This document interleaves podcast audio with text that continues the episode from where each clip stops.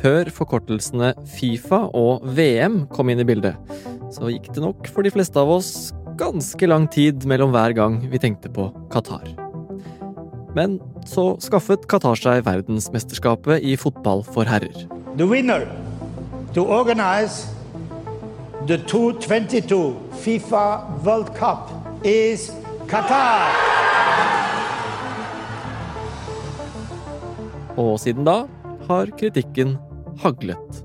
Som en direkte konsekvens at Qatar fikk fotball-VM, så har tusenvis av fremmedarbeidere mistet livet.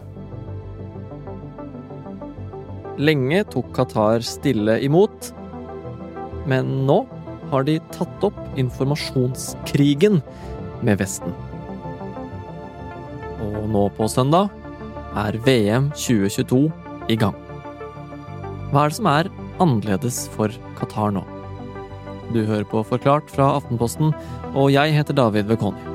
I dag er det torsdag 17. november.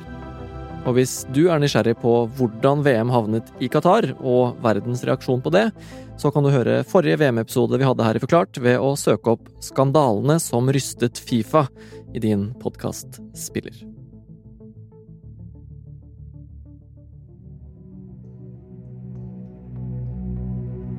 Samtidig som avspark i årets vinter-VM i herrefotball i Qatar har kommet nærmere og nærmere, har også kritikken økt. Men jeg føler at det er viktig å si fra om at nok er nok, og det er det med det mesterskapet her. Men forholdene i det arabiske vertslandet har vært i medienes søkelys lenge allerede. Og hundretusenvis av eh, fremmedarbeidere eh, lever i en stat eh, som kan minne om en apartheidstat, og i et regime som, som praktiserer en form for moderne slaveri. Qatar fengsler fortsatt homofile. Da har du 15 sekunder igjen. Qatar fengsler fortsatt journalister. Og som Frode Lia er tida, de er da ute. Lia Da ble han kobla ut. Qatar-VM har ført til massive reaksjoner, spesielt i en del vestlige land. Kritikken handler om behandlingen av homofile, behandlingen av fremmedarbeidere, inkludert mange døde arbeidere, og at Qatar kritiseres for å bruke VM til det mange mener er sportsvasking. Daniel Rød Johansen, du er sportskommentator i Aftenposten, og snart så reiser du ned til Qatar for å dekke VM. Sportsvasking, altså det å bruke sport til å ta oppmerksomhet bort fra kritikkverdige forhold, det gikk vi jo inn i i forrige episode om VM. Men Qatar har jo fått kritikk for mye mer enn det, som du sier. Hvordan har de reagert på den kritikken tidligere? Tidligere opplevde jeg at Qatar var ganske ydmyke da de mottok denne kritikken. De var opptatt av å virke forståelsesfulle, møte kritikerne. Innførte også masse reformer, spesielt med tanke på arbeidernes rettigheter. De var heller ikke i en posisjon til å møte kritikken veldig aggressivt. Og det henger også sammen med hvor Qatar ligger til i en veldig urolig region. Qatar er kanskje ikke på topp ti-lista over feriedestinasjoner for nordmenn flest, så la oss ta en kjapp recap. Qatar er en liten halvøy som stikker ut i Persiagulfen, og grenser bare til Saudi-Arabia. Inne i den ganske lukkede gulfen så er Qatar omgitt av arabiske land og Iran.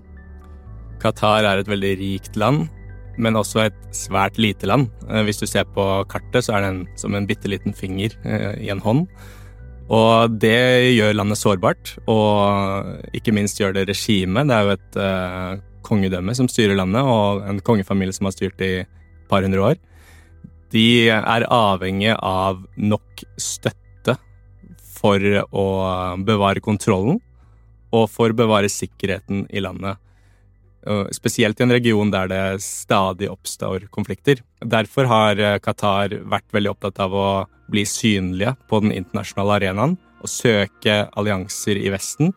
Og investeringene i sport er, henger nøye sammen med det. Qatar fikk jo merke hvor sårbare de er da flere av nabolandene, Saudi-Arabia, Emiratene, Egypt og Bahrain, innførte en blokade av landet i 2017. Da ble veien inn til Qatar og luftrommet blokkert. Bakgrunnen for blokaden er litt komplisert, men i korte trekk så handler det om at Qatar ikke ville føye seg etter Saudi-Arabia og de andre landene rundt i forbindelse med den arabiske våren. Men eh, Qatar hadde nok støtte utenfra til at de kom seg gjennom dette uten å egentlig måtte føye seg. Og fra 2021 ble blokaden opphevet. Det har også bidratt til at Qatar kan endre taktikk. Det, det, Qatar vi ser nå, er ikke lenger et ydmykt Qatar. Det er et Qatar som går til kraftige motangrep. De reagerer på det de mener er vestlig dobbeltmoral, og en eh, kampanje som savner sidestykke i historien, hvis vi skal tro emiren. Men det er ikke bare hevingen av blokaden som har fått Qatar til å våge mer. Siden tildelingen av VM og kritikken som kom fra Vesten i etterkant, så har verden endret seg drastisk. Russland har invadert Ukraina. Kamper flere steder i landet. De første angrepene kom i morgentimene.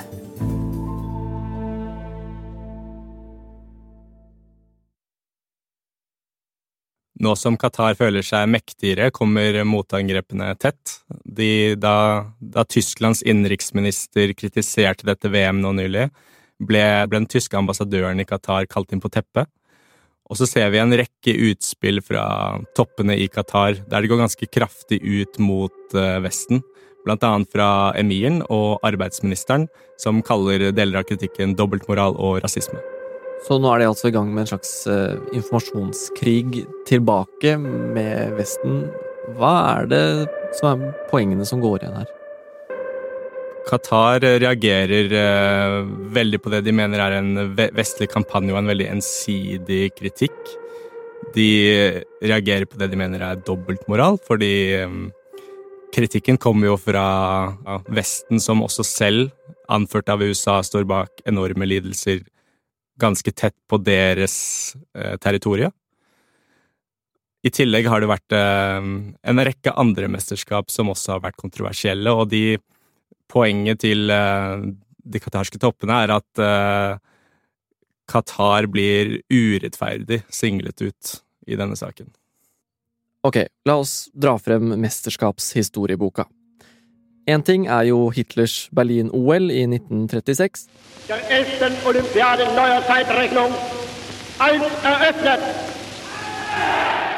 Som han brukte som et utstillingsvindu for Det tredje riket og for nazipropaganda.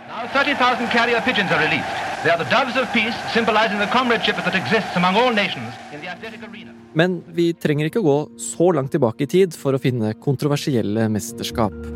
Vladimir Putin arrangerte vinter-OL i 2014.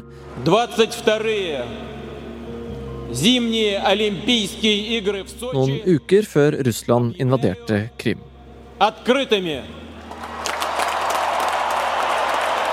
Fire år senere solte han seg i glansen av fotball-VM i Russland.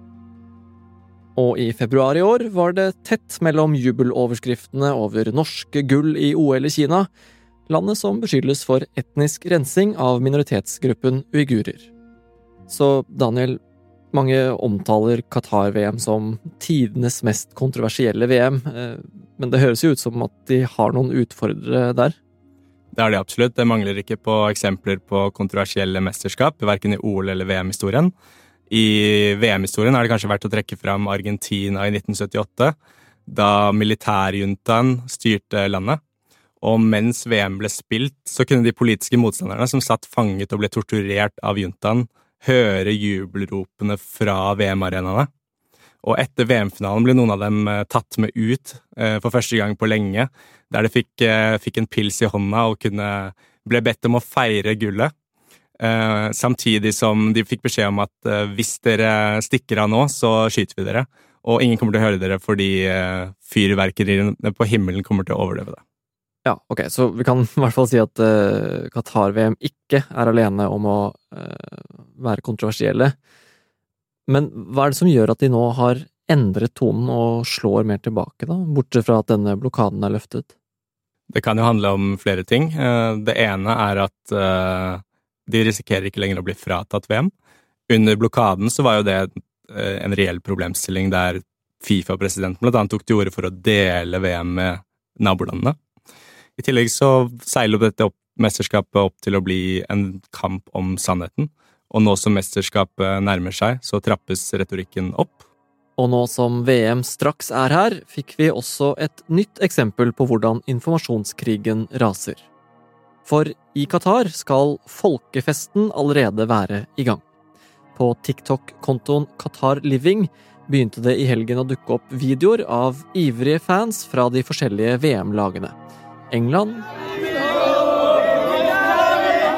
Brasil Argentina og flere. Men mange bet seg merke i at flesteparten av supporterne så ut til å være menn med sørasiatisk utseende, og at nesten alle draktene de hadde på, så splitter nye ut. Ingen vintage Maradona-drakter, bare nye Messi-drakter. Og den sangen til England-fansen høres ikke den mindre ut som Football's Coming Home, og mer som Skyler Grace I'm Coming Home?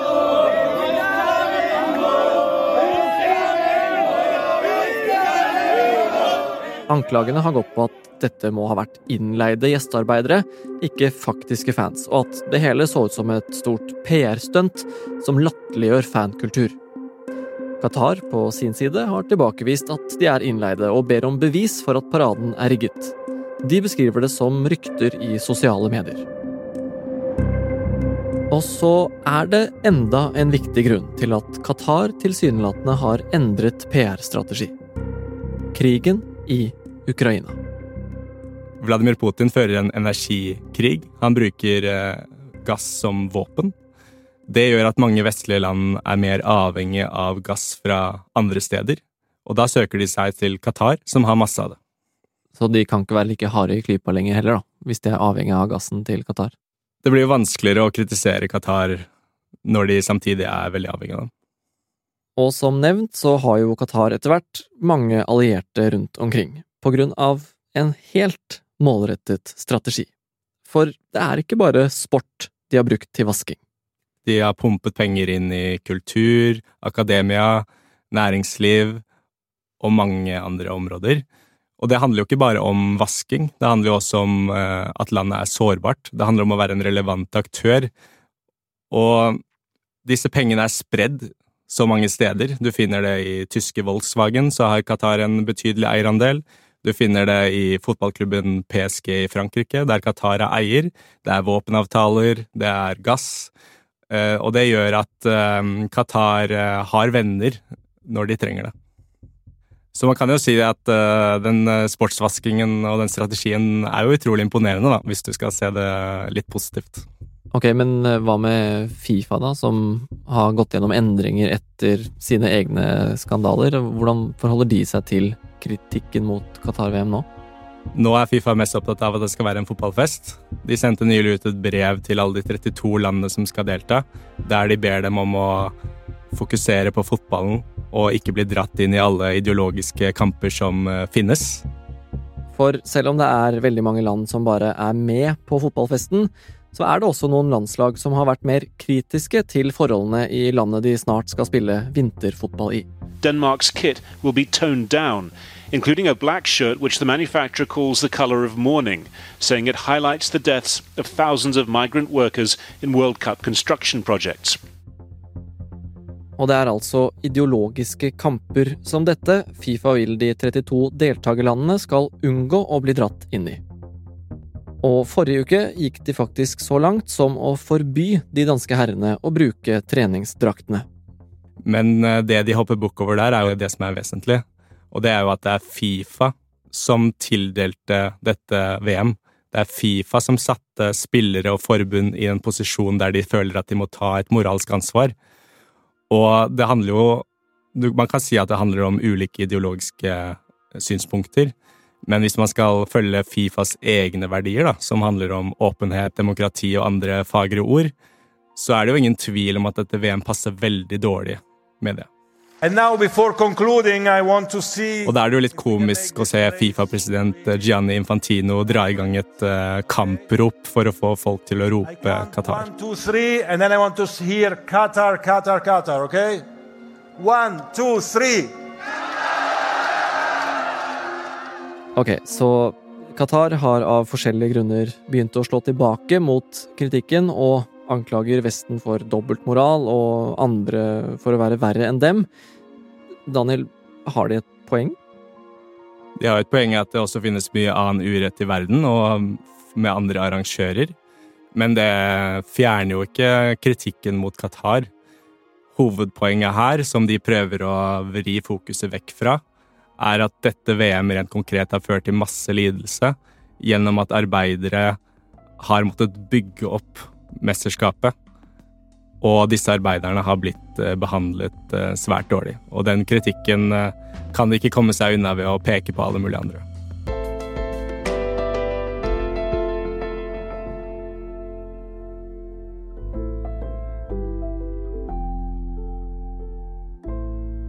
Du har hørt en podkast fra Aftenposten. Qatars informasjonskrig var det Daniel Rød Johansen som forklarte. I neste VM-episode her i Forklart forteller han fra Qatar om hva de vil at du skal se fra mesterskapet, og hva du ikke får se. I denne episoden har du hørt lyd fra NRK, Fifa, Al Jazeera, Qatar Living på TikTok, Simon Peach på Twitter, YouTube-kontoen Olympics og nyhetsbyrået AP. Den er laget av produsent Jenny Førland og meg, David Vekoni, og resten av Forklart er Fride Næss Nonstad, Anne Lindholm, Synne Søhol, Marit Eriksdatter Gjelland og Anders Weberg. Har du lyst til å møte oss i Aftenposten? Vi har i hvert fall lyst til å møte deg og fortelle hva vi holder på med. Og den som sier det, det er meg, Trine Eilertsen, sjefredaktør her i avisen. Mandag 21. november arrangerer vi A-Live for første gang, en festival rett og slett, der du kan få møte journalistene våre, featurejournalister, korrespondenter, kultur, sport, gravejournalister. Jeg kommer til å være der sammen med Aftenpodden-gjengen, og du kan få komme og høre på så mye du vil. Sjekk hele programmet og kjøp billett på akortet.no – event.